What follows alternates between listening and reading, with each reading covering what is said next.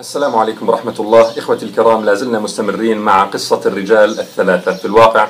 أعلم أن الكثيرين قد يقولون ما الفائدة من الاستمرار في القصة بل وفي السلسلة كلها وقد تحول الربيع العربي إلى خريف ومات الأمل في تطبيق الشريعة في المدى المنظور فيما يبدو. أقول إخواني وبالله التوفيق بل نحن الآن أحوج ما نكون إلى الحديث عن هذا الموضوع. قال الله تعالى وإن تصبروا وتتقوا لا يضركم كيدهم شيئا. وإن تصبروا وتتقوا لا يضركم كيدهم شيئا. وها نحن نرى كيد المتآمرين على الإسلام يضر الحركات الإسلامية في دينها ودنياها. إذا فيبدو أن هناك مشكلة لدينا. نحن العاملين للإسلام في الصبر وفي التقوى.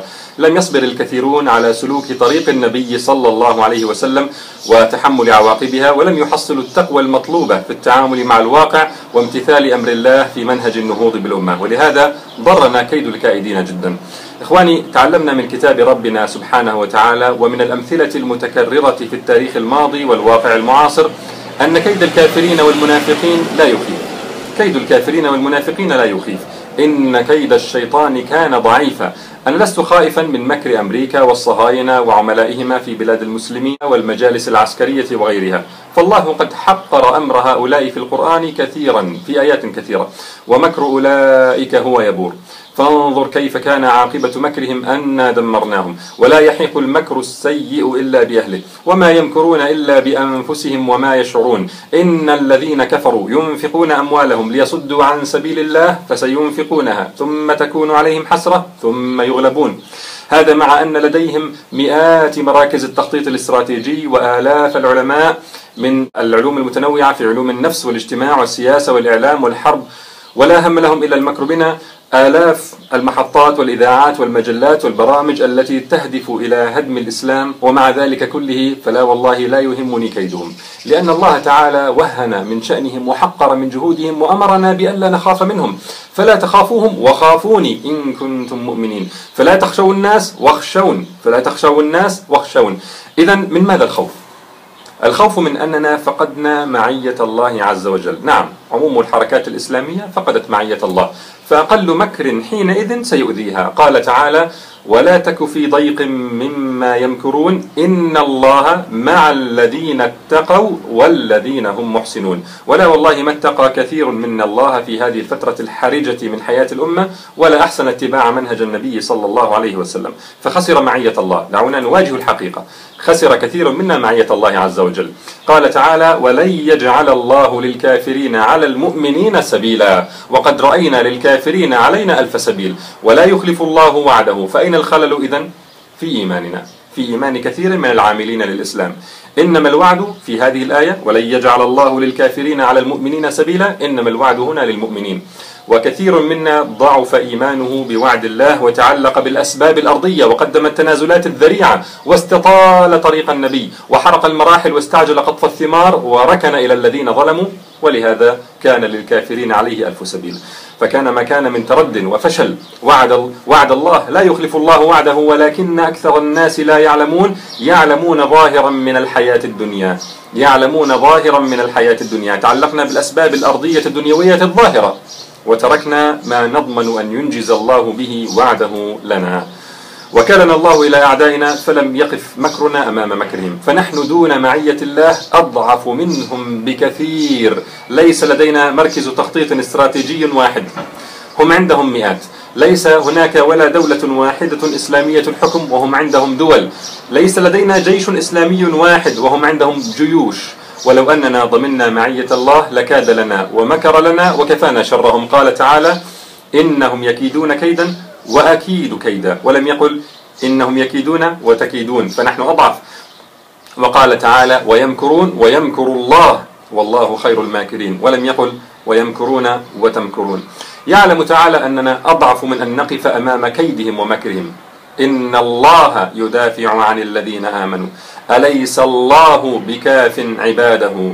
فليس لنا إلا أن نكون من الذين آمنوا ومن عباد الله بحق حتى يكيد لنا ويمكر لنا ويدافع عنا.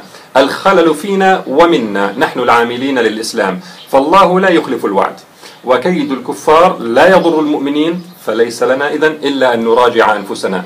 كثيرون الآن يمضون أوقاتهم في لطميات وتحسرات ويتفننون في لعن وشتم العساكر والمتآمرين ويجعل المشكلة في تآمرهم وكيدهم. لا يا أخي.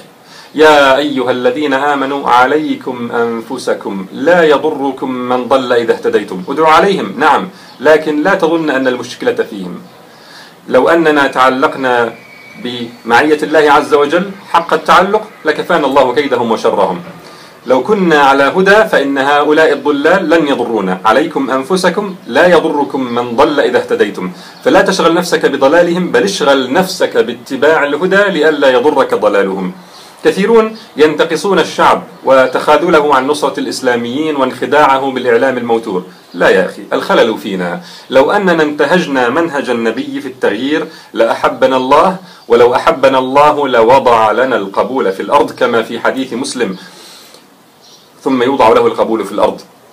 قال تعالى إن الذين آمنوا وعملوا الصالحات سيجعل لهم الرحمن ودا. سيجعل لهم الرحمن ودا. وقد رأينا هذا القبول للدعاة والعاملين للإسلام إلى أن تعلقوا بالأسباب الدنيوية وقدموا التنازلات فخسر كثير منهم معية الله ومحبة الشعب له أيها العامل للإسلام لا تضع وقتك ولا تبحث عن شماعة تعلق عليها أخطائك. ودعك من عبارات اليأس والقنوط والإحباط. لن تنفعك بشيء. واجه نفسك. الخلل منك وفيك. قل هو من عند أنفسكم. فقدنا معية الله ولهذا ضرنا كيد أعدائنا في الدين والدنيا. ولهذا كله أقول نحن الآن أحوج ما نكون إلى الاستمرار في هذه السلسلة. وإلى فهم الشريعة.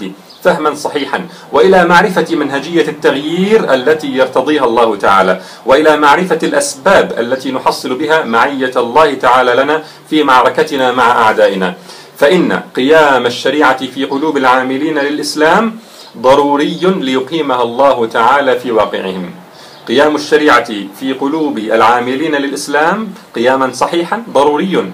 ليقيمها الله تعالى في واقعهم. كيف؟ بالطريقة التي يدبرها الله لنا. نأخذ الأسباب الشرعية ثم الله سبحانه وتعالى يبارك فيها. رأينا في الربيع العربي كيف أن الله يقلب الموازين ويعطينا فرصة من حيث لا نحتسب لو أننا استغللناها.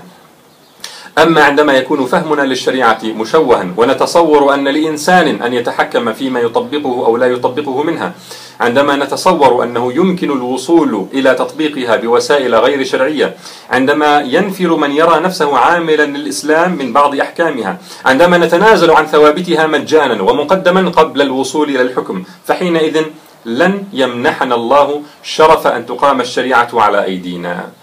فالدعاة للشريعة ينبغي أن يكونوا ورثة الرسل. الله أعلم حيث يجعل رسالته لا يختار الله لرسالته إلا كفءا. وكذلك لا يختار الله تعالى لتطبيق شريعته إلا الأكفاء إخواني تعظيم الشريعة في نفوسنا هو أهم أهداف هذه السلسلة. بغض النظر قامت دولة الإسلام في زماننا أو لم تقم. أهم أهداف السلسلة أن نلقى الله عز وجل بقلب سليم ليس فيه شائبة تجاه شريعته تعالى الذي تعبدنا بالإيمان بها وحبها وفهمها والقناعة بكل تفاصيلها. كان هذا استطرادا لا بد منه قبل تفكيك رمزية الرجل الثالث. خلاصة الحلقة نحتاج فهم الشريعة عبادة لله تعالى ولنحصل معيته وتقوم دولة الإسلام على أرضنا. وإلى لقاء في الحلقة القادمة بإذن الله. والسلام عليكم ورحمة الله.